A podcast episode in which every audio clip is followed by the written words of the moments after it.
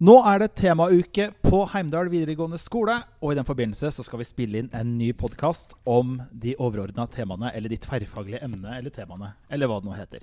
Det er nå mange begreper, i hvert fall. Vanligvis så sitter vi i uh, Storsalen, Bifrost, og spiller inn disse podkastene med publikum i salen. Men nå er det storproduksjon på gang. I morgen er det premiere. Uh, og det er jo korona osv. Så, videre. så i dag så har vi tatt oss en tur bort til medier og kommunikasjon på Tiller.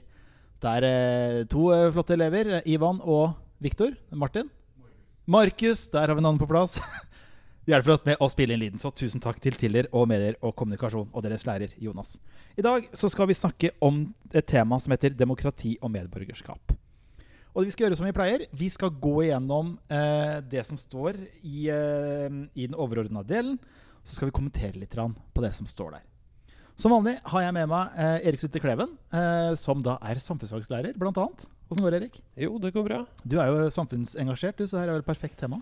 Ja, litt i overkant noen gang, kanskje. Ja, Ja. det kan være Så gleder gleder meg. Ja, Det blir bra. Og så pleier vi å ha med oss eh, Geir Haugen Wikan, men du, han er pliktoppfyllende og har undervisning akkurat nå. Så våre tanker går til han. Så har vi med oss to gjester her i dag, og det er to, også to samfunnsengasjerte. Og de er jo også politisk aktive. Så vi kan jo bare få på dem med en gang. Eh, først Sandra Aaberg Kristiansen. Velkommen. Takk. Du, eh, ta til å fortelle litt om deg sjøl, du. Ja. Eh, hvem er jeg? Eh, 24 år gammel jente, dame, fra Ila her i Trondheim. Ja. Eh, er utdanna elektriker, Mhm. og fryktelig stolt over det. Ja. Eh, Starta på Ladøyalen videregående. Jeg føler meg allerede litt, litt gammel når jeg sier Ladøyalen, for den skolen finnes jo ikke lenger. Spør Nå er det Strinda videregående. Spør foreldrene dine, så vet dere mer om den. Ja. Riktig. Eh, starta der. Eh, havna over på Strinda etter hvert. Ble lærling i elektrikerfaget i Vintervoll. Mm. Eh, var med og bygde nye Heimdal videregående, blant annet. Faktisk. Mm. Eh, veldig fin skole, må jeg si, all ubeskjedenhet. Mm. Videre så ble jeg tillitsvalgt på bedriften. Eh, det balla bare på seg. Mm.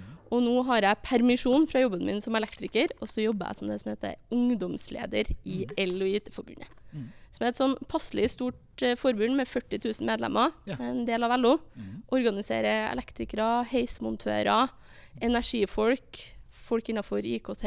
Mm. Ja. Så det er mitt virke for tida. Og i tillegg så er jeg bystyrerepresentant her i Trondheim. For hvilket parti? Arbeiderpartiet. Arbeiderpartiet. Så du er da, du er da utdannet elektriker, jobber innen eh, fagforening eh, og sitter da i bystyret for Arbeiderpartiet. Riktig. Du, hvorfor ble du elektriker? Det ble sånn. Ja. Jeg innså etter hvert, eller jeg hadde egentlig en drøm om å jobbe som sykepleier eller vernepleier, Mm. eh, gjerne innenfor rusomsorg. Ja. Og så innså jeg i tiendeklassen at den drømmen om å jobbe innenfor det, var nok heller drømmen alle andre bar på for meg. Ja. Det var ikke nødvendigvis den drømmen jeg hadde. Mm. Eh, og så har jeg eh, tre brødre, eh, og den ene er rørlegger. Så jeg sa at jeg ville bli det samme som han. Så mente han at det var noe praktisk å ha en elektriker i familien også, og da, da havna jeg der. Så sånn ble det ganske tilfeldig, Ja. eh, men jeg trivdes veldig godt med det. Ja. Jeg ser jo i retrospekt at man trodde jo at det var liksom det viktigste valget i sitt liv, Mm. det man tok i tiendeklassen. Eh, var kanskje ikke det viktigste valget i sitt liv, men, men man havna litt på riktig hylle likevel. Det er akkurat det. Mm. Og så eh, andre gjesten er eh, Oliver Stavik. Hjertelig velkommen. Ta og Fortell litt om deg sjøl, Oliver. Takk for det. Uh, ja, uh, det høres kanskje ut som jeg kommer fra, fra Trondheim, uh, men eh, jeg, har, jeg ble født der. Ja. Og vokste opp i ei bygd utafor Molde. Mm. Hustadvika heter kommunen nå. Eh, der er jeg for øyeblikket vararepresentant til kommunestyret eh, for Høyre. Og det er på en måte der det politiske engasjementet begrenser seg til nå. Mm. Tidligere så var jeg aktiv i Unge Høyre. Mm. Og var eh, nestleder i Møre og Romsdal Unge Høyre Mm. to perioder og satt i styret der litt lenger. Ehm, jeg studerer fortsatt. Mm. Eh, nå studerer jeg industriell økonomi og teknologiledelse, INDØK, på NTNU. Uh, og studerte juss i Oslo eh, Ja. en kort periode før det. Og, eh, mm. Mm. Og så sitter du i en kommisjon for ytringsfrihet. Ja, kommisjon er jo ikke den offisielle eh, benevnelsen på det. det. Man kaller det, det navnet Ungdommens ytringsfrihetsråd. Ja. Og det er en råd nedsatt av Fritt Ord og, og Norsk Penn. Da. Hva er jobben deres, da? Deres oppgave? På en måte eh, Utspringet var jo at eh, det er en del undersøkelser som har pekt i retning av at uh, unge mennesker, da, eller unge voksne, og til dels ungdommer spørs hva- Det er definisjonsspørsmål hva man, hvem man kaller hva. eh, vegrer seg i, kanskje, i større, kanskje i større grad for, eh, for å ytre seg nå enn før. Mm. Eh, og da ble det på en måte vår oppgave. Da Da, søkte, da lyste de ut det der, og så søkte de etter folk. Og så tok de inn et sånn relativt representativt utvalg av mennesker som hadde vært politisk aktive eller samfunnsengasjert, eller de trengte ikke ha vært i parti for, for skyld for å bli med. Uh, for på en måte å se litt videre på det der. Og på en måte Formålet var litt løst definert i starten, men uh, vi uh, snevra jo da inn eh, etter hvert. Uh, og da har vi på en måte kartlagt ja, hva, hva, hva kan være Er det sånn? Det første spørsmålet. Er det sånn folk vegrer seg? Mm. Uh, og nummer to, det andre spørsmålet, i hvert fall i mitt hode, og da ja, er det et problem. Mm. Og det tredje uh, man må finne ut, av, ja, hva, hva er det som er skyld i problemet? Mm. Og hvordan skal man løse det? Og det er det vi driver og, og ser på nå, da. Mm. Spennende. Eh, og Ytringsfrihet er også noe vi egentlig kommer innom litt, kanskje litt innom i dag. For det er jo demokrati og medborgerskap. Og ytringsfriheten er jo en forutsetning for demokrati. Mm. For å kunne ytre seg altså For å ha ordentlig demokrati så må man kunne ytre seg fritt. Ja. Så, men kort, vi skal ikke snakke så mye om politikk, da. Men hvorfor ble det Arbeiderpartiet, Sandra?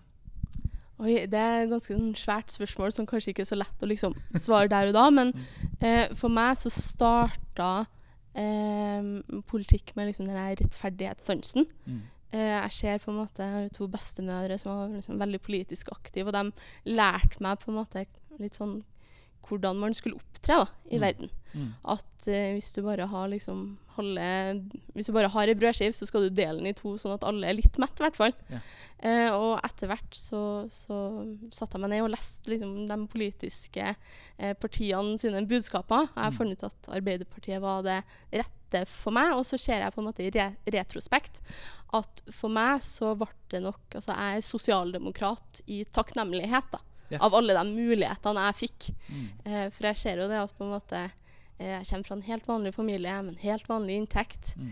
Eh, vi hadde aldri i verden klart å på en måte betalt for at fire søsken skulle få seg en god utdanning. Eh, fikk verdens beste elektrikerutdanning helt gratis. Yeah. Eh, som ga meg på en måte enorme muligheter. da. Mm.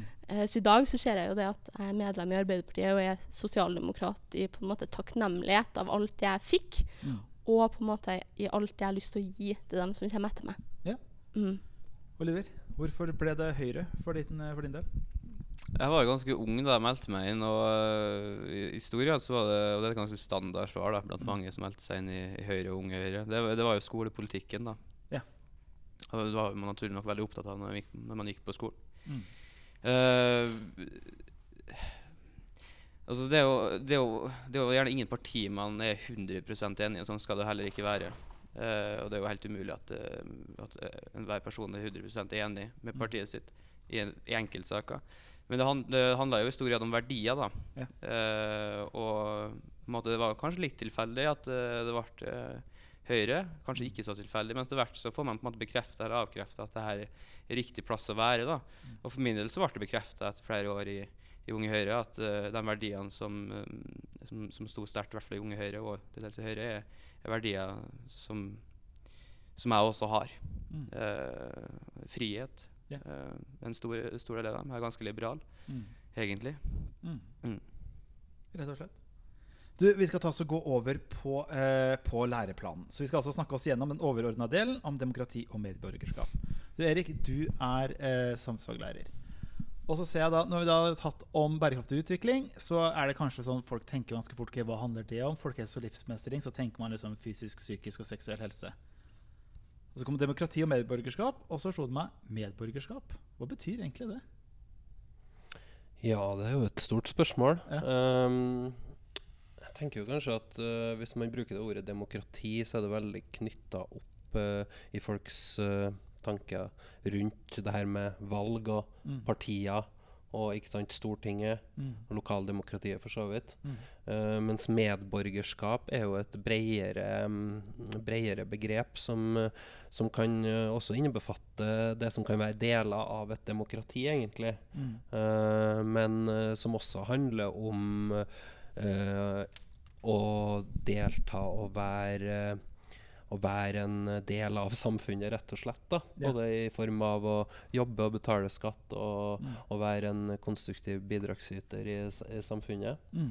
Og, og skal du være det, så, så um, å kunne delta i samfunnet, så er du jo nødt til å ha litt forståelse av hvordan samfunnet fungerer. Ja. Det er jo kanskje derfor vi har samfunnsfag på skolen. Mm. Ja. Og så må man vel også ha forutsetningene altså gitt av landet for å kunne delta i demokratiet. Og så tror jeg vel også en del av medborgerskap. Ja, Ja. Uh, og det er jo klart at i læreplanen så legges det jo stor vekt på det å, å gjøre um, elevene til, til, um, til demokratisk eh, kompetente Ja. voksne. da. Ja. Uh, og til at de skal bli medborgere som kan både delta og mene noe om uh, samfunnet. Delta i samfunnet og mene noe om samfunnet. Mm. Du, da skal vi også lese oss gjennom. Eh, læreplanen består av tre avsnitt, og vi skal ta det ene først. og Så deler vi opp og så skal vi se litt på okay, hva det her egentlig betyr. Første avsnittet lyder som følger. Demokrati og medborgerskap som tverrfaglig tema i skolen skal gi elevene kunnskap om demokratiets forutsetninger, verdier og spilleregler, og gjøre dem i stand til å delta i demokratiske prosesser. Opplæringen skal gi elevene forståelse for sammenhengen mellom demokrati og sentrale menneskerettigheter som ytringsfrihet, stemmerett og organisasjonsfrihet. De skal få innsikt i at demokratiet har ulike former og uttrykk. Erik, eh, hva vil si at, eh, altså, hva vil demokratiets forutsetninger, verdier og spilleregler og være i stand til å delta i demokratiske prosesser si for noe? Veldig kronglete språk på en måte, i den her som ikke er så lett å ta. Ja, de pakker veldig mye inn i én setning der, da. Ja. Eh, det, hva skal jeg si, at det er et veldig sånn effektivt eh, eller eh, økonomisk språk her. Yep. Hvor de prøver å pakke inn mest mulig på, på, en, på en setning. Og jeg vil si var jo, Vi var jo litt inn på det i stad, kanskje. Mm. Eh, men når vi sier demokratiets forutsetninger, hvis vi tar det først, Mm. så, så er det jo mye som ligger i det, bl.a. ytringsfrihet, som vi har nevnt. Mm. Eh, hvis vi skal ha et demokrati hvor, hvor alle skal få lov til å være med og bestemme, så er det klart at man må ha ytringsfrihet, eh, sånn, at, sånn at alle kan delta med sine meninger. Eh, verdier det er jo eh, mer abstrakt og kanskje enda bredere. Uh, men det ligger jo veldig mye i um, i, uh, i det her um, med at um, demokrati innebærer mer enn det, enn det som kalles allmenn stemmerett, da, forresten, for eksempel. For allmenn stemmerett må vi jo ha, at alle stemmer på en måte til en viss grad er like mye verdt, da, og at alle får lov til å delta i valg. ikke sant? Eh, men i tillegg til det så har vi jo noen verdier som vi kan plassere f.eks. menneskerettigheter inn i den båsen. At uh, menneskerettighetene, de personlige menneskerettighetene er, er en forutsetning for et demokrati. Mm. Um, og også det her med en fri presse, f.eks. Det er jo en del av ytringsfriheten også, men, men eh, noe utvida, da. Um, så når vi jobber med demokrati i samfunnsfagen, så, så starter vi gjerne med å si hva er demokrati, Mm. og hva er motsetningen til et demokrati. Det er kanskje et diktatur, ikke Mm. sant?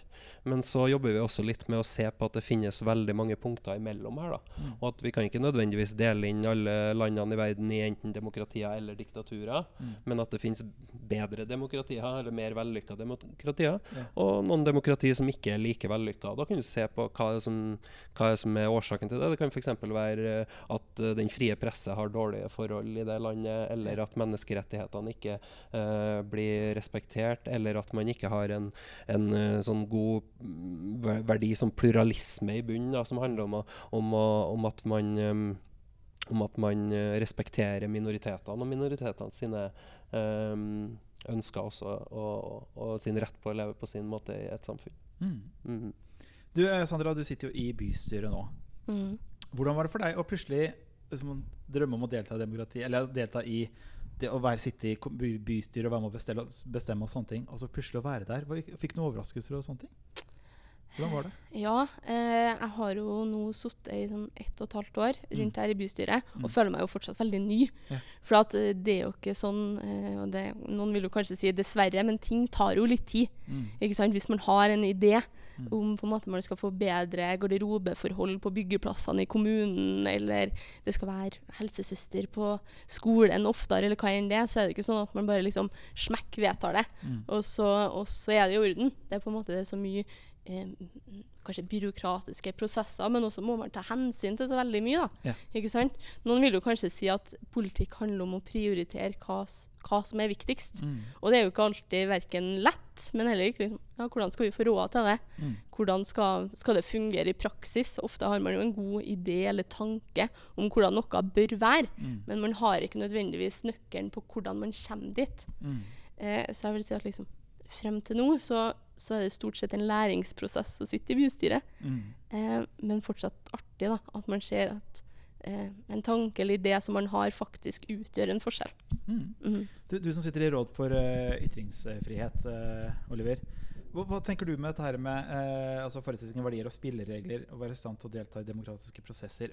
Tanke med kommentarfelt og diskusjoner og offentlig debatt og sånne ting. Ser du noen utfordringer der? At det kan være vanskelig å delta, eller å våge å delta? Ja, nå er det jo sånn at de fleste store aviser har jo stengt kommentarfeltene sine. Ja. Så kommentarene blir jo enten på uh, aviser slash blogger som Resett. eh, der har de dem åpne. Mm. Uh, som jeg for så vidt hørte en del om i den podkasten dere hadde med der dere inviterte Helge Lurås. Ja, riktig. Ehm, men så har du jo også Facebook, da. Der lever jo kommentarfeltene, for da deler jo avisene gjerne Mm. Artiklene sine. Ja. Og så blir det, eh, blir det kommentarer under der. Og utfordringa Altså, eh, mange anerkjenner kanskje ikke de her kommentarfeltene som på en måte fornuft, altså Fornuftige mennesker anerkjenner dem ikke som plattformer de er villige til å diskutere på. Mm. Så det blir mye, mye rart da Mm. i de her kommentarfeltene her. Ja. Eh, om, hvis du kun leser kommentarfeltet og ikke tar i betraktning at her er det mange som ikke kommenterer noe, Mm. så får du kanskje litt feil inntrykk av hva folk egentlig mener. Yep. Mm. Uh, det er det jeg tror. da. Og så I tillegg så har du også algoritmene som gjør at man lett kan havne i et ekkokammer også. Altså man havner i et rom, digitale rom hvor man bare hører sin egen, altså sine egne meninger sendt tilbake. Så det er også en utfordring. Ja, ja, i hvert fall hvis man baserer på en måte nyhetskonsumet sitt for å si det sånn, på, på Ja. Facebook. Ja. Uh, så har de uh, ikke bare det man liker, men engasjementsalgoritmer. så du får både det du liker, som understøtter ditt syn, Mm. og så får du det som gjør deg sint. Ja. uh, får deg til å kommentere og, og skrive masse stygge ting i kommentarfeltet yeah. og sånn, og dele med kompisene dine. Yeah. Uh, det kommer også til det, da. Mm. Uh, og det merker jeg jo selv også. Det er jo visse ting jeg eh, på en måte leser mer om, og kanskje som som jeg nødvendigvis ikke er enig med, men jeg leser mer om, og da får jeg masse av det eh, på Facebook. Så man kan bare se for seg, hvis man ser for seg på en måte en stereotypisk debattant da, i offentligheten, så kan man se for seg hvordan deres Facebook-feed ser ut. Eh, og da treffer man ofte hvis man Ja, ser for seg det.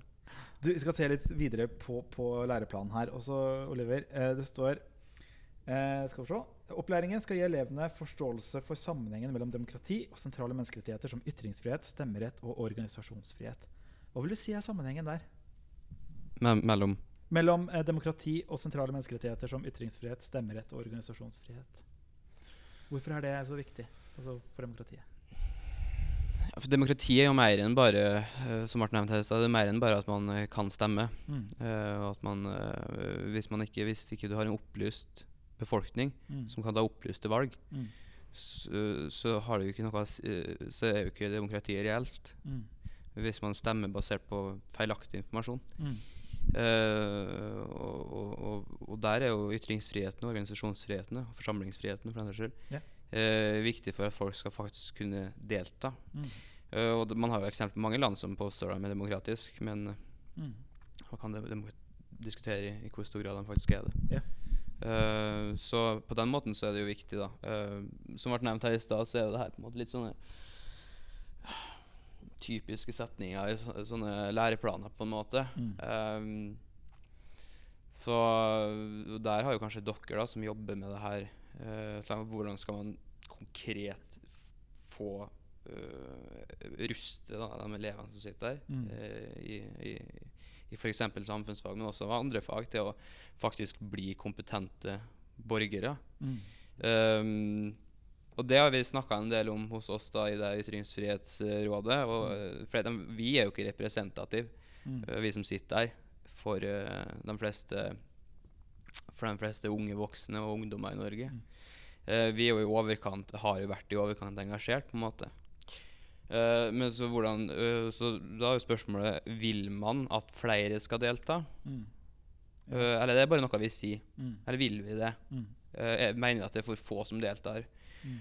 Og hvorfor deltar de ikke, da? Og da er jo spørsmålet har de, er, er, har de li, Blir de gitt for lite informasjon? Mm. Eller er de for lite kunnskapstørstig selv? Mm. Og det tenkte jeg litt på da jeg gikk på, da jeg gikk på videregående. at um, det tenker jeg for så vidt av og til på nå. Det hører eh, det, um, det, Men altså, det er bare en tanke, liksom. Og så har folk slutta å lese aviser. Det er noe jeg av og til tenker på. Mm. Det er ikke det at man skal lese aviser konstant, på en måte, men ofte så kan man få inntrykk av at uh, ja, kanskje bare mange ikke bryr seg. da. Nei. Og Er det da et problem, eller er det ikke det? Nei, det er akkurat det. Du, det står organisasjonsfrihet, og du er jo med i en organisasjon. Mm. Hva betyr organisasjonsfrihet, og hvorfor er det viktig?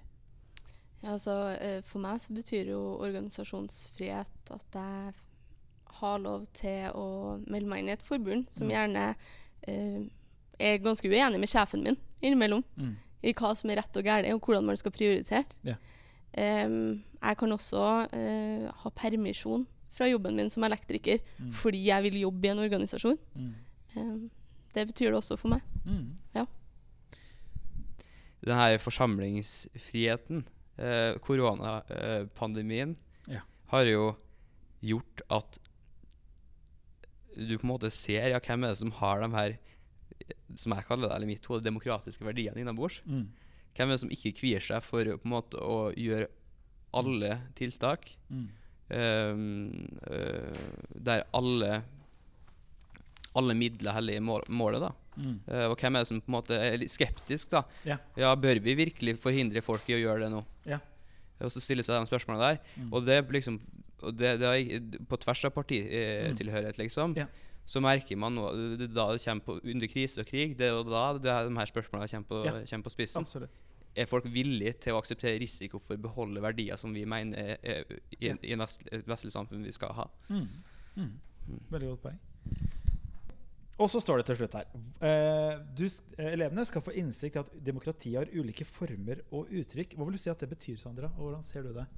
Ja, hvis jeg på en måte kan snakke for min del da, som Ja. bystyrerepresentant og eh, fagforeningskvinne, Mm. eh, så møter jeg jo ulike former av demokrati. Og jeg tror det er veldig fort at man tenker at demokrati det er på en måte et årsmøte, Mm. samles, et flertall mener noe, og sånn, sånn er det. Mm. Og det er jo helt riktig at sånn er jo demokratiet til også. både på en måte i politikken og i fagbevegelsen. Det er jo på en måte en demokratisk prosess i form av et valg som gjorde at jeg havna i bystyret. Mm. Eh, det var en demokratisk prosess eh, på en ungdomskonferanse som gjorde at jeg eh, fikk lov til å jobbe som ungdomsleder. De valgte at jeg skulle på en måte få lov til å ivareta det vervet. Men jeg tror det er viktig, som har blitt sagt tidligere, at demokrati er mye mer. Ja. Altså For meg så er det jo også demokrati det at jeg får lov til å organisere meg, som vi har snakka om. Mm. Eh, det er helt OK. Det er min fulle rett til å gjøre det. Um, jeg får lov til å gå i 1. mai-tog og 8. mars-tog og si akkurat det jeg mener. Mm. Og det er jo ikke det at jeg på en måte får lov til å gjøre det som gjør at vi lever i et demokrati. Det er jo det at jeg har lov til å gå i 1. mai-tog, Mm. men jeg har også lov til å ikke gjøre det. Mm. For det er jo klart at hvis du på en måte går til land der alle må gå i 1. mai-tog, Mm. eh, for det finnes jo noen land det òg, så er jo ikke det et demokrati. Eh, det er jo det at jeg har lov til å gjøre det, Mm. og jeg har lov til å ikke gjøre det. Ja. Em, så det er jo en form for demokrati også. Har lov til å si hva jeg mener. Jeg vil også si det at i mitt forbund så vil jeg tippe at 90 kanskje Mm. der omkring er menn. Mm. Altså jeg er en åpenbar minoritet Mm. eh, som, som dame, og som ung dame. Mm. Men likevel så har jeg lov til å delta i alle typer diskusjoner. Mm. Eh, første vara til forbundsstyret vårt, der på en måte de høye herrer har sittet i alle år. Eh, der er det noen jenter som sitter også og får lov til å si og mene og stemme yeah. på akkurat samme vilkår da, som, som guttene, som er et flertall. Yeah. For hvis du på en måte forholder deg til liksom demokratiet i form av at det er et flertall som bestemmer, Mm. så kunne jo guttene ha bestemt at vi jentene ikke får lov til å være med. Mm. Ikke sant? Men likevel så blir jeg valgt på, på, en måte, på akkurat samme måte yeah. som, som alle andre, og man eh, har lov til å si og mene. Mm. Og man på en måte like mye verd da, oppi det. Så det er jo, tror jeg, et litt sånn viktig aspekt i det, at vi tenker nok ikke over eh, alltid hvor mye demokrati vi lever i. Mm. Altså, Demokratiet er ikke bare et årsmøte. Mm. Demokratiet er på en måte alt det andre ja, i de her grunnleggende rettighetene som vi var litt innom tidligere. Altså likestilling, organisasjonsfrihet, ytringsfrihet. Mm. Alt det her, da. Så ja. Men ting jeg kom til å tenke på da du stod og snakket, for du snakket vel også om dette her, det å uttale seg, men også du har muligheten til å ikke uttale deg, ikke sant? Altså man har friheten til å ikke si, også ytringsfriheten er jo både friheten til å, til å uttale seg og til ikke uttale seg, og så har du da for at du har ytringsfrihet fordi det er søken etter sannhet og autonomi videre. Men tror dere at det kan bli problem innimellom, eksempel når du har spesielle dager eller spesielle saker, da det kan være 8. mars, Black Lives Matter, pride osv. Når, når det er en slags forventning om at man skal ut, ut, uttrykke seg og støtte en sak Tror du det kan bli et for, for, for Det er kanskje ikke alle som føler at vi er ikke helt enige, Eller jeg er enig i saken, men jeg er ikke enig i uttrykket. og sånne ting Tror du det kan være en utfordring at man føler seg på en måte pressa til å uttale seg om det? Hva tenker du om det, Oliver? Uh, det, det korte svaret på det er ja. Yeah. Uh, det tror jeg definitivt. Du skal gjøre noe rett, på en måte. Du skal si noe rett. Du må si det rette, eller et eller annet sånt, kanskje? Ja. Eh, og d- på en måte dem som på en måte er litt mer skeptiske da, og gjerne vil uh, sette seg inn i noe, eh, Mm. før de på en måte gir stående applaus, og, eh, og Mm. kanskje nesten aldri gir stående applaus. ikke sant? Mm. De blir på en måte litt tilsidesatt Mm. hvis på en måte alle, det er forventa at alle skal applaudere høyt og støtte uten motforestillinger Mm. all, no, en eller annen greie som foregår. Mm. Og da får du litt sånne rare Kan du få litt rare konsekvenser av det. For eksempel eh, Nå skal ikke jeg uttale meg spesifikt om akkurat den saken, men jeg, så, jeg, leste litt kritikk av her, når presidenten og Idrettsforbundet gikk ut og sa at eh, det var rasisme en eller annen plassen i eh, idretten. Ja, det var en I Norge. kommet. Ja. Strukturell Eh, rasisme, var det ikke det? Mm. Strukturell rasisme, Ja, var det ikke det? ja. eh, og da kunne det gjerne virke som da, at man, man gikk ut før noen anklaga Mm. dem for det. Mm. For på en måte å si at ja, vi har svin på skogen, og, Mm. og da, måte, da, har man, eh, da får man synsforlatelse, da. Måte. Mm. Eh, og, og det virker som sannheten ikke spiller noen rolle. Ja, er det faktisk det? Mm. Og det spørsmålet kan ikke stilles. Mm. Nei. Eh, veldig få som er veldig få fornuftige, oppegående mennesker som har lyst på rasisme. Mm. Eh, men det, det, kan en, det, det kan ikke utvikle seg at vi i samfunnet får en konkurranse om på en måte å være utad og si de riktigste og snilleste tingene. Mm. Um, folk som er mer opptatt av at ja, la oss finne problem da, Mm. der det er problem. Mm. Og så kan vi løse dem sammen, og så kan vi diskutere hvordan skal vi løse det. Uh, det savner jeg litt, da. Og det, det tror jeg er en, eh, en trussel. Jeg tror, tror mange er litt redd for å stille spørsmål som på en måte blir på en måte ansett som, som åpenbare sannheter. Jeg har hatt mange diskusjoner med, uh, med folk når vi snakker om dem, mange av de jobbene som mange som studerer tilsvarende ting som uh, studier som jeg Mm. så ofte ender opp i. Der har det kommet ut historier om at eh, det har vært gitt et, en slags ordre om kvotering på forhånd. Mm. Og v- en hver- men når man diskuterer her, så er de fleste enige om at det ønsker man ikke å ha. Eh, men så starter man i starten av hver diskusjon og sier at altså, jeg er for 50-50 Mm. eh, kjønnsfordeling på arbeidsplassen. Og da er jo jeg, jeg er jo kranglevoren av natur, da, så jeg stiller jo spørsmålet ja, men hvorfor det, da? Eh, og, det ikke, og ved å stille spørsmål sier ikke at du er uenig, Nei. men hvis du skal uh, si som et Mm. premiss i enhver diskusjon Mm. at det bør være 50-50 fordeling mellom kjønnene på en Mm. arbeidsplass, ja, da bør du også kunne begrunne det. Ja.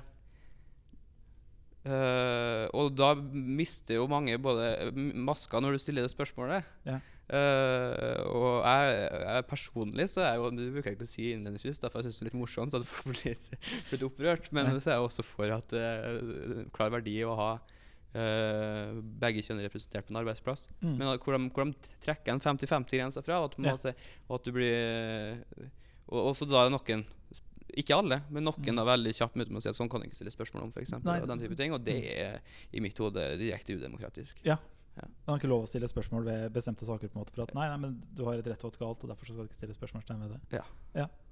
Ja. Interessant. Nå skal vi gå neste avsnitt. Jeg leser gjennom avsnittet, og så skal, vi gå, skal spørsmåla gå til alle. Vi gjør sånn denne runden her.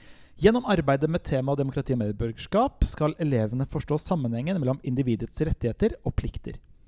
Eh, individene har rett til å delta i politisk arbeid, samtidig som samfunnet er avhengig av at borgerne bruker rettighetene til politisk deltakelse og utforming av det sivile samfunnet. Skolen skal stimulere elevene til å bli aktive medborgere og gi dem kompetanse til å delta i videreutviklingen av demokratiet i Norge. Kan dere forklare altså Det står sammenhengen mellom individets rettigheter og plikter. Hvordan vil dere forklare det? Har du lyst til å starte på den, Erik? Individets rettigheter og plikter. Ja. ehm, når du har et demokrati, Mm. så har du jo en rett til å delta i det. Mm. Uh, men på den andre siden kan du også si at man har en plikt til å delta i det. Mm. Ehm, og det går jo litt på det at uh, hvis man skal beholde det demokratiet man har, Mm. så er man nødt til å bruke det. Mm. For Hvis man ikke bruker demokratiet, så blir jo um, på en måte eksistensgrunnlaget for demokratiet forvitrer jo. Mm. Uh, og da blir det jo Hvis folk ikke bruker demokratiet, så mister demokratiet på en måte sin um, sin em, relevans, da. Mm. Eh, da blir det jo mer en sånn uh, forsinkelsesprosess, bare. Mm. Uh, som, som ligger i veien for å få gode løsninger, skulle jeg til å si. Um, så jeg tenker jo det at når det gjelder demokrati, rettigheter og plikter, så, så, um, så er det jo som med resten av samfunnet at man har rettigheter på den ene siden, men for å beholde dem så må man gjøre sine plikter også. Mm. Og noen mener vel noe om rekkefølgen der også, har jeg hørt. Ja. Hva tenker du om det, Sandra? Jo, jeg eh, tenker jo som så at man har jo en plikt til å følge lover, f.eks. Mm. Men man har jo også rettigheten til å velge hvem som skal utforme dem, Mm. utforme dem. Mm. Um, det er i hvert fall sånn det umiddelbare. Jeg tenker at det er sånn det henger litt sammen. Mm. Um, Også en annen ting som slo meg litt sånn altså, Det er jo et stort, komplekst spørsmål, da, og jeg tror kanskje ingen av oss nødvendigvis har Det er ikke et svar med to streker under. Eh, Andre ting er jo på en måte som Arbeiderpartipolitiker så har man liksom fått inn det at man gir etter evne og får ved behov. ikke sant? At det er litt sånn jeg mener at et godt samfunn og et godt demokrati er. også. Mm. Eh, du betaler den skatten som du har muligheten til å betale, og så til gjengjeld så får du liksom gode, liksom grunnleggende tjenester tilbake. da. Mm. Ja. Du, jeg tror jeg aldri har møtt en uh, uttalt sofavelger. Men uh, Oliver, hva tenker du, hvorfor blir folk sofavelgere? Altså folk som da ikke går og stemmer? Og er det, et er det en utfordring i demokratiet at 30-40% ikke går og stemmer? Uh, Kategoriserer du også dem som stemmer blankt, som sofavelgere, da? Hva ville du gjort? Det var et godt spørsmål. Uh, nei, jeg vil ikke kalle dem sofavelgere hvis de stemmer blankt, for det mener jeg at det, det er et reelt alternativ. Ja, så er sofavelgere syns jeg er litt sånn nedsettende om dem, da, men du kan gjerne kalle dem som ikke Eller, gjør noe. Folk som ikke velger å ikke stemme, og så ikke, ikke engang gå i valglokalet og avlegge en stemme. Som ikke gjør det i hele tatt. Ja. Men, ja, det, det tenker jeg at hvis de, hvis de gjør det fordi at de tenker at uh, jeg er ikke enig med noen her, de, uh, Mm. så tenker jeg at de, de, gjerne kunne måte signalisert det ved å stemme blankt. Mm. Ja. Men det jeg har tenkt litt på, som, øh, som gjerne blir sagt da, øh, av folk og, og av noen parti med større styrke enn andre, da, Mm. det er at øh, du må huske å bruke stemmeretten din og stemme. Mm. Uh, og, se, og, se no, eh, og da tenker jeg at ja, men hvis, jeg, hvis det som, så, som velger da tenker at ja, men jeg, jeg, jeg kan ikke nok Altså Jeg har ikke satt meg inn i det, og jeg er ikke interessert heller. Nei. Så kan jo det at man stemmer blankt, eller lar være å stemme, da Mm. hvis man ikke stemmer så sitter hjemme, være et, um, et, uttrykk, et uttrykk for, eh, for selvinnsikt. Ja. Altså at man, eh, altså man eh, ikke burde stemme fordi at man anser seg selv som for lite kompetent og for lite opplyst til å, til å ta et, et, et, fornuft, et gjennomtenkt valg. Mm. Uh, så da tenker jeg jo at måte, målet burde være at så mange som mulig kjenner med seg selv at de kan ta et reflektert valg. Mm. Men uh, hvis man på en måte uh, bedømmer vellykketheten i et demokrati etter hvor mange som har stemt, så blir det på en måte bare skallet. Ja. Mm, den korrekte målestokken vil være hvor mange stemmer etter å ha tatt et gjennomtenkt og overveid valg. Ja.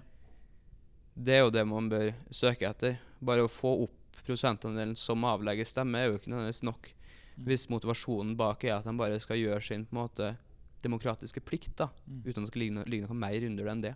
Det er jo litt uh, interessant, eh, for um, hvis, uh, hvis et valg har 100 oppslutning, Mm. så er det gjerne et dårlig tegn, da, vil jeg kanskje si. Ja. Og det samme med det her med land, om de er demokratiske eller ikke. Hvis uh, landet har demok ordet demokrati, demokrati i navnet sitt, så er det også som oftest et ganske dårlig tegn. Det er, det. det er sant. Men hva kan vi gjøre for noe for å altså for, Som du sier, at man føler at man ikke har innsikt altså, her. Jeg har ikke peiling nok. Er det noe er det noe man, altså si politikerne, Stortinget eller det offentlige, burde gjort for å opplyse mer? Eller tenker du at all informasjon er der til å kunne ta gode valg? Eller til å kunne ta et valg, mener jeg. Ikke ta gode valg, men å ta et valg. Ja, politikerne øh, har jo en egeninteresse, egen da. Ja, Hvis de skal drive på en måte Mm. og lære folk å stemme, Ja. så, så er det jo ganske lett å lære dem å stemme på sitt eget parti. Så skolen har nok en viktig eh, funksjon der. Ja. Men eh, skolen kan ikke gjøre alt. F- folk har et personlig ansvar, og familiene og foreldre, til å Mm. på en måte øh, øh, gjøre seg selv og barna sine, og skolen har også et ansvar der, da, Mm. i stand til å treffe sånne øh, gjennomtenkte valg. Da. Mm. Um, mm. Liker dere valgomater? Pleier dere å ta dem? Nei, jeg er ikke så fryktelig glad i dem, selv om man tar det. For jeg mener at uh, politikk er mer kompleks enn valgomat. Ja. For at det på en måte valgomatene er jo veldig sånn her Hva mener du i denne saken? Hva Mm. mener du i denne saken? Hva Ja, mener ja. du i denne saken? Men egentlig så er jo politikk utrolig sammensatt, ikke sant? Ja. Man kan ikke bare tenke på liksom enkeltsakene i seg sjøl, man må se ting i sammenheng. Ja. Um, Det er, også handler det om ei pakke også for mange. ikke sant? Altså, du, det er en, som du sa, sosial, altså, sosialdemokrat, Arbeiderpartiet, alt det der, også det du har med hjemmefra osv. Det handler om det. Det er lite spørsmål om ideologier og sånne ting i valgomater. Ja, mm. Ja, det ja. Ja. Så det kunne gjerne vært litt mer plass til det. Det er mye ulv og Ja, det er mye ulv Mm. som kanskje ikke alle bryr seg så veldig mye om. Nei. Ja. Nei, det tror jeg er et veldig godt poeng. da, fordi Ja. For min del så er politikk et verdi verdivalg. Ja. Det er på en måte hva føler jeg er riktig, hva Mm. føler jeg er feil. Ja. Mm. Eh, Det er ikke på en måte om vi skal ulve eller ikke, som avgjør hva jeg stemmer. Nei. Så er når jeg tar dem, for da vet jeg ok, trykker jeg på det nå, så går jeg til Så jeg bare vet du, du, Men det er fordi at du kan såpass. Du kan det, eller men det er sånn at du vet ok, nå svinger jeg dit, nå svinger jeg dit, nå svinger jeg dit, ut fra spørsmålet. da Mm. Så jeg sånn, da tenker jeg, Det trenger jeg egentlig ikke å ta den, for jeg vet jo cirka hvor jeg er hen ut fra. Siden jeg skjønner allerede. da. Og så er det en litt rar eh, Ikke rar, men vet du hva, denne greia her Jeg skal ta ett eh, greie til fra det avsnittet her. Skolen skal stimulere elevene til å bli aktive medborgere og gi dem kompetanse til å delta i videre, videreutviklingen av demokratiet i Norge. Jeg lurer på om jeg skal spørre læreren først. jeg. Hva tror du man mener med vi, videreutvikle demokratiet i Norge? Nei, vi ligger jo høyt på, på rangeringa over verdens mest fungerende demokratier. Um, og eh, jeg tror vi alle sammen, inn, de aller fleste i Norge, er enige om at demokrati er en bra ting, og at det er noe vi skal fortsette med. Mm. og så spørsmålet er hvordan du skal gjøre det bedre, så, så tenker jeg jo um, at det handler om å få med ungdommen. da. Ja. For det er jo dem som skal ta stafettpinnen. Mm. Og ikke sant, det handler ikke bare om at vi skal lage demokrati 2.0, som er enda bedre. Nei. Men det handler om å, å delta i demokratiet. og Det er jo en, det er en kontinuerlig prosess, på en måte. Ja. Å videreutvikle demokratiet. Mm.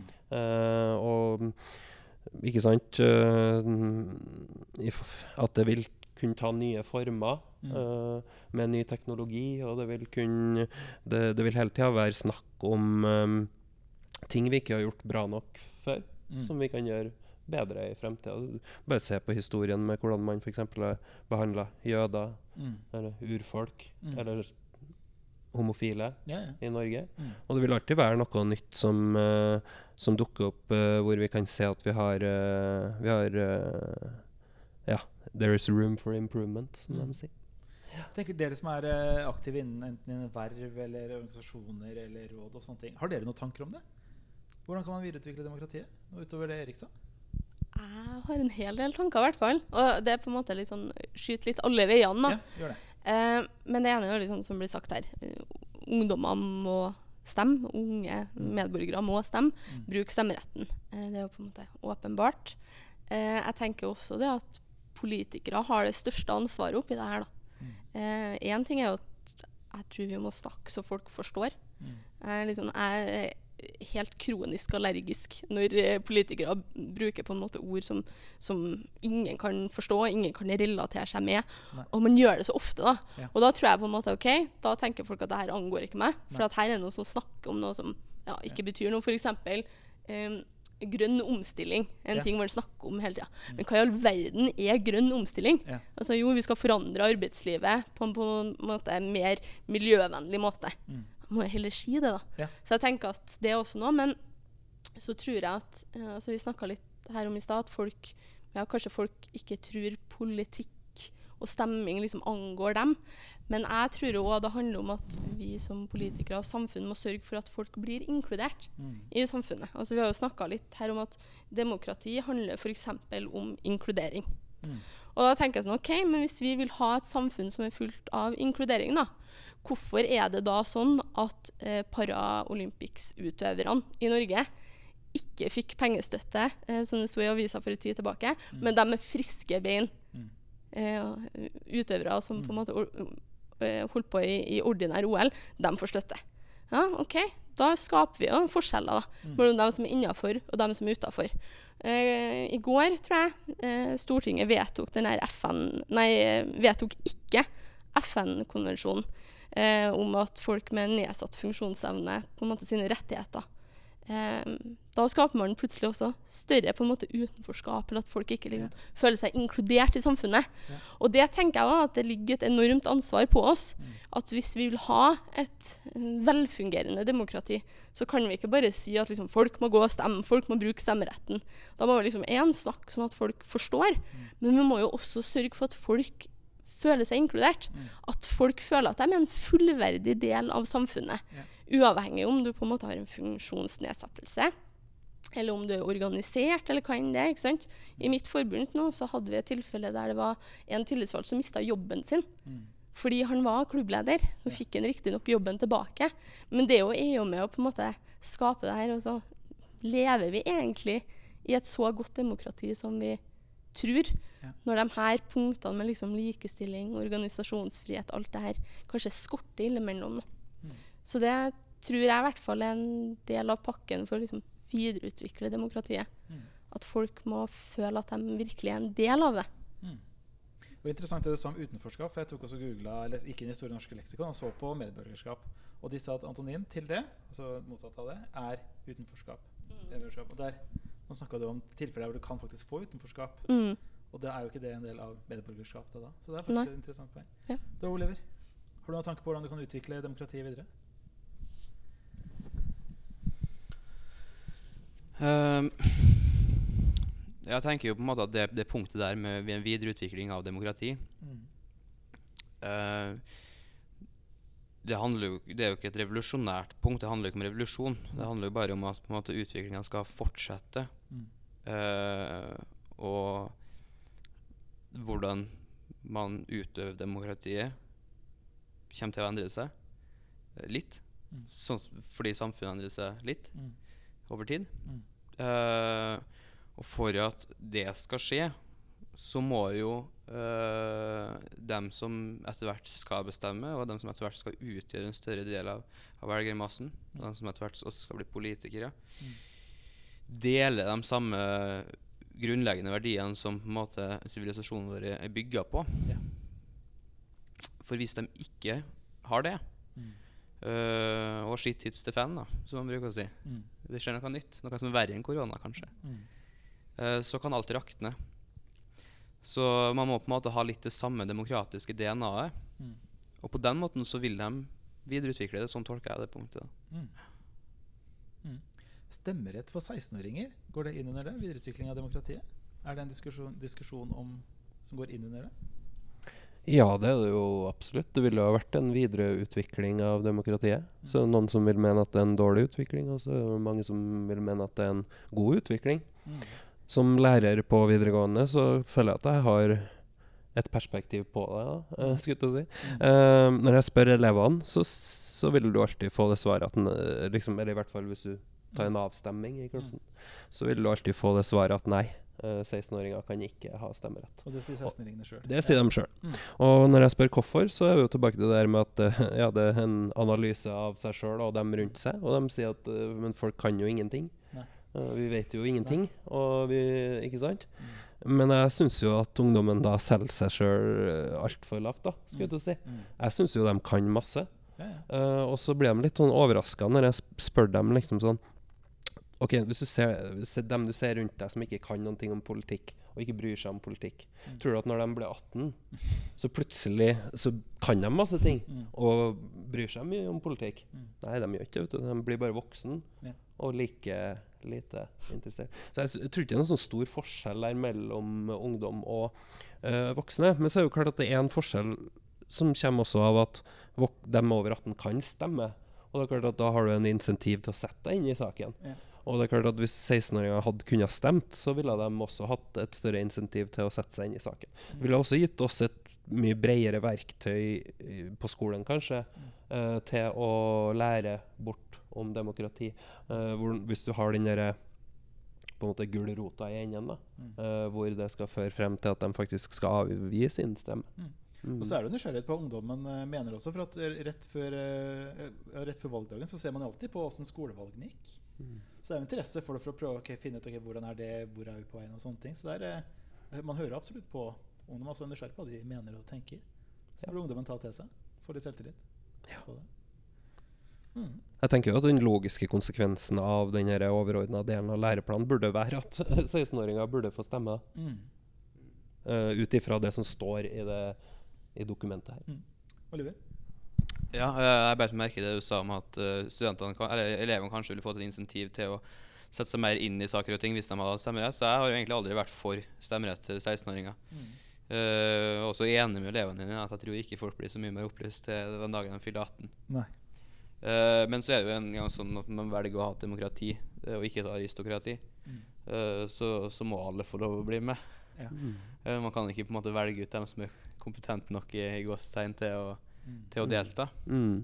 Eh, men uh, det du sa der, altså det, det, det kan jo være at jeg på, på sikt endrer, uh, endrer standpunkt. For det at noe som jeg og noen andre i det rådet her også har tenkt på og, og sett på, er jo at på en måte den her engasjementsopplæringa, hvis man skal kalle det det, den foregår utafor skolen. Mm. Så det blir på en måte for dem som aktivt går og søker seg til et parti. Mm. Eh, er det en organisasjon av noe slag? Eh, og da er det gjerne dem som faktisk er veldig engasjert i noe. Og jeg på en måte har jo et håp, og så savner jeg litt at på en måte den her moderate majoriteten, da på en måte så, øh, Hvis du ser på, på en måte det politiske spekteret i stedet for som en sånn strek, men heller ser på som en slags sirkel. Eh, og så har man i ytterkantene så har man veld, eh, ulike former for ekstremister. da. De som hater, hater innvandrere, de som hater alle andre land, de som hater folk som har en annen religion enn seg sjøl, de som eh, er villige til å ta i bruk alle tenkelige virkemiddel for å redde planeten. Det, det er også etter min mening en form for ekstremisme. Mm. Uh, der alt er ok, så lenge det store målet om at jorda skal bestå, eh, gjennomføres. Uh, og dem som også ytterpunktene som på en måte ser undertrykkelse overalt og skal på en måte. Eh, straffe og hevne og, og ha unnskyldning og bot for alt mulig rart. Mm. Mens i midten her så tror jeg fins liksom Jeg tror jeg da at, det, at, at folk er ganske sånn fornuftige, da. Mm. Uh, og dem savner jeg i hvert fall litt i I hvert fall i avisene om dagen. Mm. Uh, bare, som bare kan si Hei, hei. De fleste av oss syns ikke det funker sånn. Mm. Så jeg skjønner at du maler, du maler fanden på veggen her. Mm. Altså, det er ikke helt sånn, altså. Mm. Eh, jeg husker spesielt godt da jeg spurte i klassen min spurte, eh, Da jeg gikk på videregående. For da var det en debatt om fosterreduksjon som raste. Ja. Og da hadde du på en måte på den ene siden som mente at de som, som var en oppdatering av uh, abortloven Mm. pga. teknologisk utvikling, så man måtte revidere det her. Man måtte, man måtte ta stilling til det. Mm. Eh, og da spurte, og da på den andre siden, i det som liksom fremsto som debatten i det offentlige, så hadde på en måte han som mente at de her som sto bak det her lovendringsforslaget her og utarbeidelsen av loven, de var mørkemenn og, og, kvi- og kvinnehatere. Satt på spissen. Spurte jeg bare med klassen min, da, som jeg visste var ganske apolitisk. Hva syns dere om den fosterreduksjonen? da? Jeg prøvde å være så nøktern som mulig. Og så sa jeg hva det er for noe, så måtte jeg gi en liten resymé av hva som hadde foregått i media i det siste. Og så sa jeg at forklarte jeg hva fosterreduksjon var. Og da var det veldig mange som sa hei, det lov? Ja. Ehm, og det var Og de fleste som sa det, var jenter. Mm. Som var av sympati. Da tenkte jeg huff, nei, det kan, er det lov? Mm. Og da tenkte jeg altså, da, da er de ikke helt eh, samstemt her, på en måte. Eh, de som påberoper seg å være talsmenn og talskvinner for, for mange, er kanskje ikke det. Eh, og hvis da på en måte de her De fleste, ved, som, som uh, Erik var inne på her, ved å ha stemmerett tidligere, faktisk har en insentiv for å engasjere seg mer og på en måte tro at det de mener kan bety noe tidligere, så kunne jeg også vært for, for, for det. Mm. Var du med AUF eh, først? eh, Sandra? Ja. ja. Når begynte du der? Du Jo, jeg begynte der når jeg gikk andre året på videregående. Ja. Eh, da forsto jeg at jeg skulle bli elektriker. Eh, hadde vært litt utplassert som elektriker og litt sånn. Og eh, så meg rimelig lei på at håndverkere i stor grad på en måte satt på utsida og pekte på alt som var galt. At de her liksom eh, dresskledde herrer ikke kunne forstå hvordan det var å være ute på byggeplassen. Og da tenkte jeg, vet du hva, da vil jeg heller være en del av det. Det er greit. Jeg, jeg ser mye her som jeg vil ha annerledes, og, og da får jeg gjøre noe med det sjøl. Så hadde jeg sikkert eh, meldt meg inn tidligere hvis noen hadde spurt meg tidligere, men man kom aldri, ble aldri spurt om det. Så jeg valgte jeg sjøl å melde meg inn da når jeg møtte ei gammel klassevenninne fra ungdomsskolen som jeg visste eh, var aktiv i AUF. Um, og det tenker jeg litt, sånn, litt i forlengelsen av det med liksom stemmerett til 16-åringer eller ikke, for jeg, jeg er for det. Mm. Det er rett og slett fordi liksom Sjøl tok jeg del i arbeidslivet sånn på ordentlig. Jeg hadde jo noen sånne småjobber først, men begynte som lærling når jeg var 17 år. Eh, da tok jeg del i et arbeidsliv. Um, og eh, jeg tror det var starten på 2015, blir det vel, altså januar 2015. Da var det liksom den største streiken i nyere tid, for da var det endring av arbeidsmiljøloven. Ja. Eh, Trondheim Torg, det var liksom det var, det var folk så langt øyet kunne se. Ikke sant? Det var liksom en VG-lista konsert. eh, Nå, nådde jo ikke det til knærne engang. Og det var lærere, det var sykepleiere, det var håndverkere, det var alt. Og på en måte satt tydelig fram at liksom Yo, politikere, ikke, ikke endre arbeidshverdagen vår. Vi vil ha arbeidsmiljøloven som den er. Eh, og jeg sto jo der, jeg òg, sammen med folk på min alder. Men vi hadde jo ikke lov til å stemme. Eh, var for ung da, sånn i praksis, eh, vi som var lærlinger og skulle bli lærlinger. Eh, og det slår det meg nå, liksom, hvis jeg ser på det i ettertid, at det er jo litt banalt at man ikke har lov til å på en måte stemme på dem som påvirker arbeidshverdagen sin, eller påvirker livene våre. Og jeg tror jo det som blir sagt her da om at det er ingenting som skjer idet man fyller 18. Altså, det er ikke sånn at du liksom Nå kan du kjøpe øl, flakslodd, og plutselig så får du liksom en del i hjernen som bryr seg masse om politikk. Det er jo ikke sånn det er. Eh, man bryr seg jo i hermetegn ikke første delen, tror jeg, fordi det, det virkelig angår deg ikke. Du har jo ingenting du skulle ha sagt. Så hvorfor skal du bruke masse tid på, på å bry deg, når du ikke har lov til å utgjøre en forskjell likevel? Mm. Uh, så jeg tror at folk kommer til å bli mer engasjert og bry seg mer, jeg, da. Mm. Eh, hvis man har muligheten til å uh, avgi stemme i en alder av 16-17. Det er jo viktig eh, punkt. Eh, sånn som, ikke, eh, altså det å kunne være med i ungdomsorganisasjoner, altså Unge Høyre, AUF osv., det er faktisk en måte å bli hørt og bruke stemmen sin på. Bruke organisasjonsfriheten og være med å påvirke uten, selv om du ikke kan stemme. Altså, Mm. det er en veldig viktig tips til ungdommen. da, Engasjer dere. Ja, Så helt får dere faktisk noe dere kan si.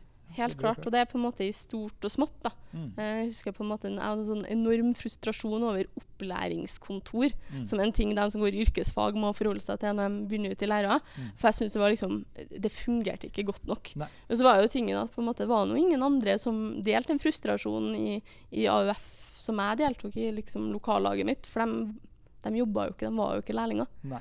Og da var liksom, man kunne da bare møte opp på årsmøtet da, i AUF, og så videre til Arbeiderpartiet og si liksom yeah. Det her mener jeg. Yeah. Det her vil jeg liksom få endra. Den, den siste arbeider. Siste arbeider. Ja. Ja, for for dem her, de her som ikke uh, jobba, eh, de studerte dem da, eller i FL gikk på skole, og du jobba? Var det sånn?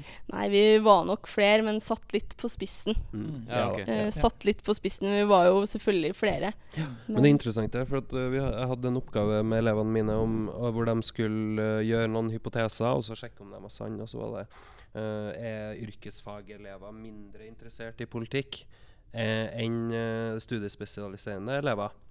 Og de fleste trodde jo at yrkesfag var mindre eh, yrkesfagelever var mindre interessert. da.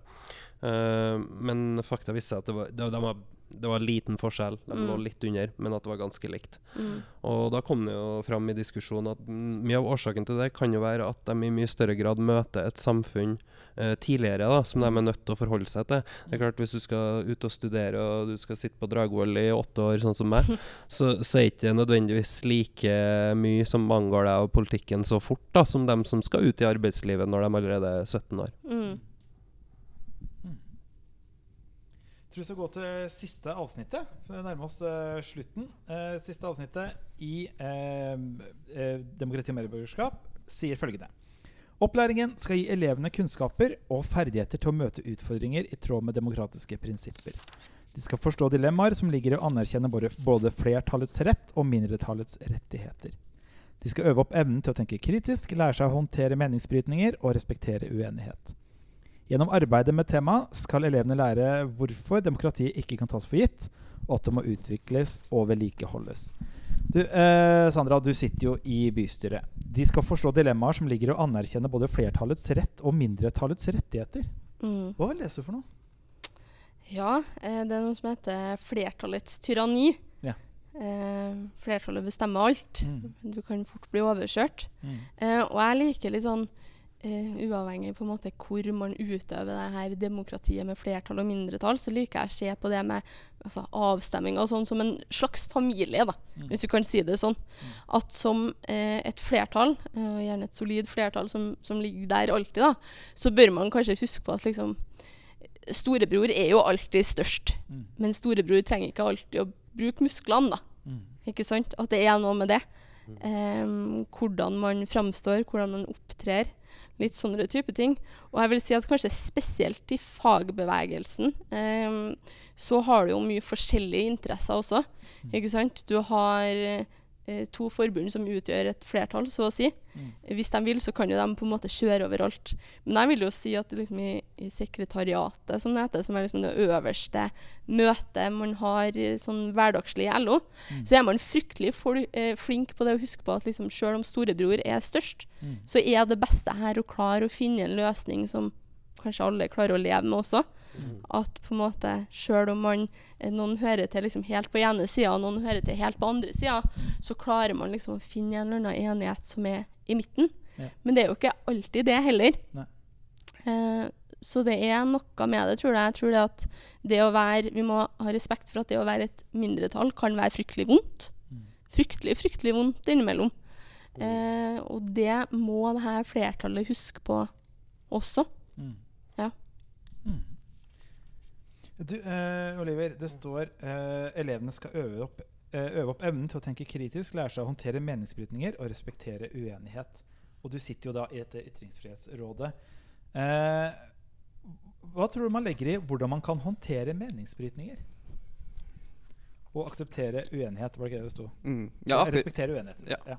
akkurat det der har vi snakka mye om. Uh, det vi kaller det et uenighetsfellesskap. Og det å lære folk, at folk det, det, det, det er en øvelse å lære seg til at uh, vi trenger ikke å være enige. Mm. Det er helt greit å være uenig, og det er helt nødvendig å være uenig. Ja. Uh, og, det, og det høres veldig banalt ut, egentlig, men det det er, ikke, det, det er ikke det, altså. Mm. Og, og, måte, og det må øves opp. Mm. eh, at uh, det er helt greit at uh, dere er uenige. Mm. Det er ingen av dere som trenger å på en måte konstatere at den ene har rett i dag. Mm. Og dere kan fortsatt diskutere en sak. Og da er jeg litt fan av det her, den her eh, analogien å legge noe på bordet Mm. når man skal på en måte diskutere noe. Mm. At man på en måte tar objektet, eller tingen, da, så legger man det på bordet. Så sitter man rundt så prøver man å se hva er det er for noe. Hvordan fungerer det? Eh, og hvis den ene da mener at nei, men den fungerer sånn, så mener den andre at nei, Den fungerer ikke sånn. Den fungerer sånn, og vi burde heller bruke den til det. Så det er ikke noen grunn til å, på en måte, å forakte den andre personen for at den mener det. Mm. Selv om du er overbevist om at personen tar feil. Så toleranse er jo uh, et nøkkelord i, i, det, i det der. da. Mm. Man skal, skal tolerere at folk ikke er enig med seg. Og man skal tolerere at noen ikke er enig med flertallet. Man skal tolerere at noen ikke er enig i tidsånden. for å si det sånn. Mm. Er det et eller annet sitat som er 'toleransen kan tolerere alt bortsett fra intoleranse'? Nei, hva var det sitatet igjen, Erik? Det snakka vi om en gang. Ja, det har vi snakka om. Jeg liker jo det begrepet toleranse veldig godt. For at det handler jo om Man kan tenke sånn at ja, men vi skal tolerere Men, men hvis du ser på ordet toleranse, så, så ligger det jo i det ordet at det er noe du ikke liker i utgangspunktet, da. Mm. Men at du tolererer det. Mm. Uh, og da har vi jo, du jo tidligere snakka om det her med at eh, man burde ha bred toleranse og toleranse for det aller meste, bortsett fra intoleranse. Og det handler jo om at uh, hvis du gir uh, intoleransen spillerom, så vil jo det på sikt uh, selvfølgelig undergrave toleransen. Og, da mister du jo den. Mm. Så, så det ligger, ligger jo et paradoks der, i at man skal ha toleranse, men ikke sant eh, eh, Kanskje ikke tolerere intoleranse. Mm. Mm. Ja, eh, Det er vel det man kaller den, eh, den liberales dilemma, på en måte. For han tolererer in intolerante mennesker, men de intolerante tolererer ikke han. Mm. Jeg husker en komiker som heter Joakim Skage. Han sa at han kalte seg ikke antirasist, for han var, mo han var ikke mot rasisten, men han var mot meningene til rasisten. Det er litt den der Ok, jeg aksepterer den du er, men jeg er ikke enig i det du, det du Mm. sier, da. Og det var sånn grei måte etterpå at Ja, jeg skjønner hva du mener med akkurat det. Mm. det der, altså. Men det er du som er ytringsfriheten. Hva, hva er det man ikke kan si i Norge? Så rent juridisk, altså, det, altså, Er det ganske flytende grenser i teorien? Du kan si hva du vil, eller er det noen sånn klare ting på Ok, her går det faktisk en grense? Ja, eh, jeg har jo studert litt juss, men jeg er ikke, det er ikke Så langt kom jeg ikke, på, på en måte. Men det har vi jo også sett litt på. Og rent juridisk så er det en høy terskel for, å, for å, at noen skal bli straffedømt. Ja. Eh, eller dømt for noe, for noe skal være ulovlig å si. Ehm, Man har vel heller ikke lov til å straffe noe før det er sagt heller. Altså, vi har ikke sensur i Norge. Du må, du må ut, si en ting, og så kan vi straffe deg for det. på en måte. Eller, altså, Ja, Ja. Men, men selv da så er det veldig få ting. Ja. da. Så, og, og det, angående det der, da, så er det den terminologien som man eh, ofte bruker i samfunnsdebatten, det her med å krenke, Mm. det er ofte litt sånn eh, Det er et eh, villedende begrep. For det mange sier når de sier at de er krenka, er egentlig at de er såra. mm. Eh, og såra er det helt lov å være. Mm. Og det er helt lov å gjøre sånn at andre blir såra. Yeah. Du er kanskje en drittsekk, eller, eh, eller du veit ikke hvordan du skal oppføre deg i selskap, Mm. men det er ikke ulovlig. Nei. Og det er en viktig eh, linje å trekke. Og nå har jeg ikke paragrafen foran meg her, og har ikke noe rettspraksis her, men sånn juridisk så er det jo ikke flytende. Nei. Man, eh, det er det motsatte av flytende. Altså, Rettsprinsippene er at det skal være på en måte så objektivt som mulig, selv om alle, nesten alle saker da, er ulike. Mm.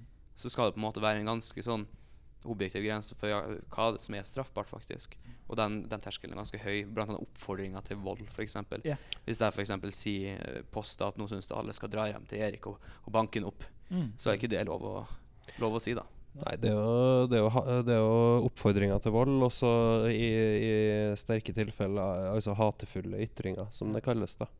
Eh, og hatefulle ytringer er jo selvsagt noe mer alvorlig eh, definert av loven enn å krenke noen eller såre noen, men, men eh, Nei, det er, det er jo en grense for hva man kan si. Det er det jo. Men den, men eh, den er jo Den er jo høy, skulle jeg til å si. Eller? Vi har faktisk eh, mange som mener at vi har ikke ytringsfrihet i Norge. Man har, altså, ytringsrom kan kanskje være noe annet. Det vi snakket om i stad. okay, det snakker man om, om i samfunnsfagen, det her med om man føler at man kan si det, om det blir akseptert. Men det er jo noe annet enn ytringsfrihet. da. Ja, absolutt. Ja. Mm. Jeg vil egentlig bare eh, si noe kjapt om eh, Ja. det, eh, det som Sander ble spurt om i stad, da, det her med flertallstyranni. Ja. Uh, og det er jo en uh, sak jeg bryr meg litt om, da. Uh, for der tror jeg mange forveksler på en måte demokrati og flertallets rett med at de på en måte Det er en litt sånn barnslig holdning til demokrati eh, i mitt hode. Da, det at man på en måte sier at ja, nå mener flertallet at sånn skal det være, og da blir det sånn. Uh, og, og det er jo ikke en verdi som samfunnet vårt bygger på. Uh, og og det, da, da tenkte jeg litt tilbake på et sånt mantra vi hadde i, i, i Unge Høyre, faktisk. da, Det var det her med grenser for politikk. At det er en grense for hva som er politikk. Ikke sant? Det er jo ikke, Hvis familien Olsen da, er sju, sju personer, og familien Hansen er fire personer, så er det jo ikke sånn at familien Olsen kan vedta under, rundt middagen hva familien, den andre familien skal ha til middag. Mm. Uh, og at hvis flertallet i Norge mener at det er greit å ta en sykkel og stjele en sykkel, så er- legitimeres ikke sykkeltyveri av den grunn. For det er moralsk feil å stjele. Mm. Og det er et sånn grunnleggende prinsipp vi har. da. Mm. Og da tenker jeg at Hvis man på en måte gjør politikken for stor, og at man uh, sier at for mye kan bestemme Vi må ha grenser for hva som kan bestemmes demokratisk òg. Mm. og hvis ikke, så tror jeg du kan få en slags form for uh, likegyldighet. At folk ikke vil bry Det blir så altomfattende. Vi må jo også være klar på at det er visse ting som ikke uh, storsamfunnet eller flertallet har noe de skulle sagt om. Mm. Altså den individuelle friheten og friheten til, til små samfunn og små fellesskap. Det er jo litt interessant, for med korona så har det jo det der med grenser for politikk kans kanskje blitt enda mer aktuelt. Eh, det er kanskje ikke som, Jeg har ikke hørt så mange i Høyre som har snakka om grenser for politikk uh, siste eh, Når det har vært snakk om uh, nasjonale innstramminger og sånne ting. Så, men, men det var veldig interessant, det der. Mm. Jeg er for så vidt også litt overraska over at Høyre ikke har eh, vært litt mer eh, Altså uttrykt en litt større skepsis, da. ehm, til på en måte hva vi kan tillate oss å gjøre. Eh, jeg sier ikke at jeg tror det vi gjør, er feil, men jeg tror det er sunt å stille seg spørsmålet er det riktig. Mm. Har vi, er det legitimt? Det handler litt om hva som er greit å si, hvilke spørsmål det er greit å stille. Ja, ikke sant? Og så tror jeg også man på en måte frykter litt på en måte, eh, velgernes represalier. Det, det, det gjør jo politikere. ikke sant? Det er et lite sidespor, men det er litt morsomt å se den behandlinga av studenter. Det er veldig mange studenter som er ganske, ganske unisont blant studenter at de er misfornøyd med f.eks. det med dagpenger etc. Mm. Der de har skatter av inntekta si på lik linje med andre. Mm. Men så får du på en måte ikke, ikke rett på kompensasjon for, eh, for, for, for den jobben som du ikke har fordi at politikerne har bestemt at nå skal, nå skal kremhuset legge, eh, må, må stenge. på en Mm. måte. Ehm, og da tenker jeg liksom så Ja, er de så overbevist om at studentene ikke stemmer på dem, at de driter i dem? Mm. Sandra, jeg må spørre deg også. Hvordan kan man håndtere meningsbrytninger? Eh, det første som eh, slo meg når det spørsmålet kom, var at man liksom må gå på ballen og ikke på mannen. Mm. Eh, jeg tror det er liksom en, noe av det viktigste vi husker. At eh, Vi snakka i stad om at man skal være på en måte tolerant for meningene og meningsutvekslingene som skjer. Og det er supert, det, men da er liksom nummer én er på en måte hvordan man diskuterer. Hva er debattklimaet? Mm. Eh, er det sånn at du på en måte sier at du er uenig i meninga mi? Eller er du uenig med meg? Mener Ja. du at jeg er et dårlig menneske Ja. fordi jeg mener det her? Mener du at på en måte jeg ikke skal få lov til å si hva jeg mener fordi jeg er dame, eller fordi jeg er ung, eller hører til feil parti, eller hva enn det skal være? Så det er liksom det ene. Og så er det jo også det med på en måte Det er alltid sunt å være uenig. Ja. At jeg tror ikke det er sunt at hvis i en samfunnsfagklasse så stiller du et spørsmål, og så er på en måte den ene eleven som er den brautete, og som på en måte har mest sånn, altså øverst på hierarkiet da, i klassen. Vedkommende sier hva man mener, og så er det ingen andre som tør å si imot. Mm. Og det vitner om et på en måte usunt klassedemokrati. da. Mm. Og om det er på en arbeidsplass eller hva enn det Mm. At eh, det er jo ikke sånn det skal være. Er Mm. det, er det et sunt demokrati, så, så tør alle å si hva man mener, uavhengig av hva den kule gutten i Mm. klassen mener. Eh, for at det er trygt å si hva man mener også. Mm. Siste spørsmål for læreplan før vi skal avslutte det greiene her, er Det står eh, Skal vi se. Det står Gjennom arbeid med temaet skal lære, elevene lære hvorfor demokratiet ikke kan tas for gitt, og at det må utvikles og vedlikeholdes. Hvorfor kan vi ikke ta demokratiet for gitt? Oliver? Hvilke farer ser man? Altså, hva, kan at, hva kan utfordre demokratiet? Altså På spørsmålet hvorfor man ikke kan ta det for gitt, Mm. eh, så må jo det være at man anerkjenner på en måte at det er godt å bo i et demokrati. Mm. At det er noe vi har lyst til. Mm. Og da er jo både historien og nåtida fylt av eksempel på at det er bra å bo i et demokrati. Mm. Altså liberalt demokrati. Mm. Ehm, så der kommer allmennkunnskapen inn. Da. Det er ikke bare samfunnsfag, men det er også historieundervisninga. Mm. På en måte vise hva skjer da hvis vi lar totalitære krefter ta over. Hva kan skje med et samfunn da? Ja. Uh, og det kan være ganske grusomt uh, for enkeltmennesker, for hele samfunnet. Mm. Mm. Sa? Ja. Nei, jeg tenker jo på en måte Først og fremst så er jo jeg veldig takknemlig for at vi lever i et demokrati. Mm.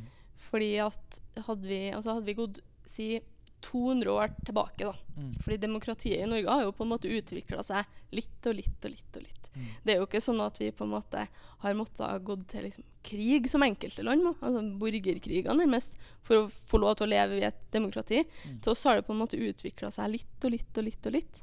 Eh, I form av på en måte likestilling, organisasjonsfrihet. Alle har lov til å på en måte avgi stemme så lenge du er over 18, riktignok. Men liksom alt sånn.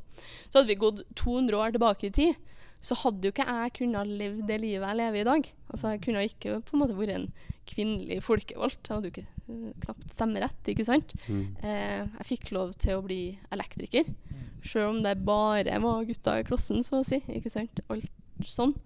Så jeg tror jo det at eh, Noen spørsmål er liksom Hvorfor skal man ikke ta det for gitt? Hvordan skal man utvikle det? Alt sånn at jeg, jeg er jo ikke redd for at i morgen så våkner vi opp, og så er demokratiet i Norge borte. Mm.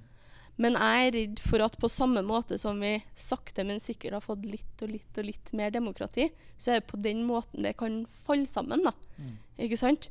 Plutselig så er det begrensa hvem som får lov til å ytre seg. Plutselig er det begrensa hva, liksom, hva er likestilling egentlig.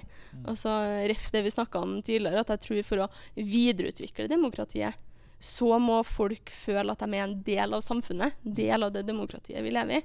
Og det er jo klart at hvis vi ikke klarer det, hvis folk på en måte flere og flere føler at de faller utafor, at de ikke er en likeverdig part av det samfunnet som, som vi lever i, da, så eh, så havner vi kanskje en plass der vi ikke vil være.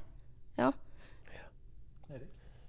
Ja, eh, mye gode perspektiver her, også på historie og sånne ting. ikke sant? Det er jo mange autoritære regimer og fascister og sånn man kan se tilbake på og tenke at eh, eh, det Vi priser oss lykkelige over at vi ikke lever under sånne regimer. Men så igjen det her med, som Sandra sier, at, at vi kan miste bit for bit. Um, da trenger man jo ikke å se på historie engang. Jeg syns man kan bare se over uh, havet til USA, hvor uh, man ser uh, at eh, pressens eh, frie pressen har stadig dårligere vilkår. eh, hvor man ser eh, um, utstrakt, eh, for, utstrakte forsøk på å begrense stemmeretten for enkelte minoriteter. hvor man ser stadig dårligere forhold for demokratiet. Eh, og du kan jo også, Hvis man da ser på en demokratiindeks, så vil jo kanskje noen bli overraska over å se at USA ikke er blant dem som settes i kategorien et velfungerende demokrati lenger. Eller et svært, ikke et svært godt velfungerende demokrati, i hvert fall. Så, og, det, og der var det jo inn på det her med utenforskap, og det å ikke føle at man eh, blir sett, og det ikke føle at uh, man eh, får være med i den velstandsøkninga som, Mm. som samfunnet på en måte ellers kanskje bærer preg av. Man føler at man blir etterlatt, skulle jeg til å si. Mm. Eh, og ikke har eh, Ikke får ta del i de godene da, som man kanskje burde. Så ser man at det øker splittelsen, og det øker eh, troen på demokratiet, og etter hvert også det, selve demokratiet i landet. Så ja, jeg tror absolutt man burde være på vakt. Mm. Mm. Mm. Helt til slutt. Eh, Oli- Oliver eh, Stavik, du har sittet i denne eller i dette rådet for ytringsfrihet, Ytringsfrihetsrådet. Så helt på slutten, og du er jo også da sitter da som vararepresentant i et kommunestyre. Hvis du skulle gi, eh, hvis noen har hørt dette her nå og har lyst til å, nå har virkelig lyst til å bruke stemmen sin og gå ut og prøve å påvirke og sånne ting, hva ville du gitt for noen tips da til ungdommen? Hva burde du gjøre for noe hvis de har lyst til å engasjere seg? Det er jo mange ting man kan gjøre. hvis du, altså Én ting er å engasjere seg i et slags parti, men det er ikke nødvendig det heller. Eh, det, det er ikke noe alle trenger å gjøre. Eh, skriv et uh, Få det ned på papir og få det, få det ut, sånn at eh, andre kan få, få sett det. Kanskje har du en Kanskje er denne saken du er veldig opptatt av noe som andre føler på, men ingen har satt ord på ennå. Mm. Så prøv å, få, prøv å komme på trykk, yeah. eksempel. Om ikke det Om ikke du vil gå helt dit, så prøv bare prøv å få gjort en endring, da. Mm. Eh, lokalt. Og så etter hvert så kan man utvide. Ja. Det er Mm. bare prøv. Ja. bare med de hjelpemidlene du har tilgjengelig. Mm. Mm. Sandra Aaberg Kristiansen, som da sitter i bystyret for Arbeiderpartiet, og da er Mm. med i, eh, i en fagforening. Hvilken fagforening var du med i? Du var med El og IT-forbundet. Yes. Mm. Hva er ditt råd? Ditt Og, tips? ehm, jeg tenker at man Altså, du må bare ho- hoppe i det på en måte og si hva du mener. Ja. Ikke vær så redd for å si hva du mener. Bruk stemmen. Ja, det er på en måte Det er jo på en måte det beste våpenet vi har. Mm. Det er å si ifra hvis du opplever ting som er urettferdig. Og det er kanskje det man kjenner Altså, det er det som kanskje er politikk, da. Mm. Hvis du syns bussprisene er for høye, så opplever, fordi du opplever det som urettferdig, Mm. så må du si ifra. Ja. Hvis du mener det er urettferdig at det er eh, at du ikke får deg en læreplass Mm. fordi fylket ikke gjør nok for deg, så må du si ifra om det. Mm. Mm. Eh, så jeg tror nå på en måte Helt klart gjerne finne en plass og på en måte plassere engasjementet ditt, men i starten så på en måte ikke være så redd for å si ifra. Mm. For liksom, tro det eller ei, så var jeg veldig beskjeden uh, jente på, på videregående. Eh, det på en måte, også skjedde en, nesten en revolusjon etter jeg begynte som lærling. Ja. Men jeg, jeg likte ikke å si liksom, høyt hva jeg mente, og hata presentasjoner. Og så på en måte fikk jeg øving i det. Mm. Øving å si hva jeg mener, og, og øving til å på en måte si ifra. Og plutselig satt man liksom som tillitsvalgt, og sjefen kunne, ja, var 60 år, og jeg var 20. ikke sant? Mm. Og så satt man der på liksom akkurat samme premisser, om at jeg og han har lov til å si hva vi mener, og begge skal ha respekt for det. Så jeg tenker bare bruk stemmen, for det, det er det viktigste vi har. Mm. Og så er det ofte sånn at Vi snakker ofte om å si fra om ting man er uenige om, men man kan også si fra om ting man er enige om også. Hvis du ser en sak og tenker at ja, men de har jo helt rett. Ja. Det og det partiet er helt rett, den helt foreningen er rett. Så si også opp for det, og så støtt hvis du er enig i noen. Det trenger ikke alltid handle om at man er uenig, men det kan også være at man sier fra når man er enig. Erik Sylte Kleven, samfunnsfaglærer, geografilærer, rettslærerlærer. Jeg vet ikke hva det egentlig heter. Rettslærerlærer. Et siste tips fra deg. Hvor uh, Må bli å følge med i timen, da. Følge med i timen. Og på den så tror jeg vi går av. Du, Vi tar det en gang til. Sandra Aaberg Kristiansen, tusen takk for at du kom hit eh, til eh, Vi på Heimdal, eller Vi på Tiller, som er akkurat nå, der vi sitter. Takk for at jeg fikk komme. Olive Stavik, tusen takk til deg også. Takk for at vi kom med. Og du Erik Sylte Kleven, vi prekas i gangene, vi. Det gjør vi. Og du, vi prekas.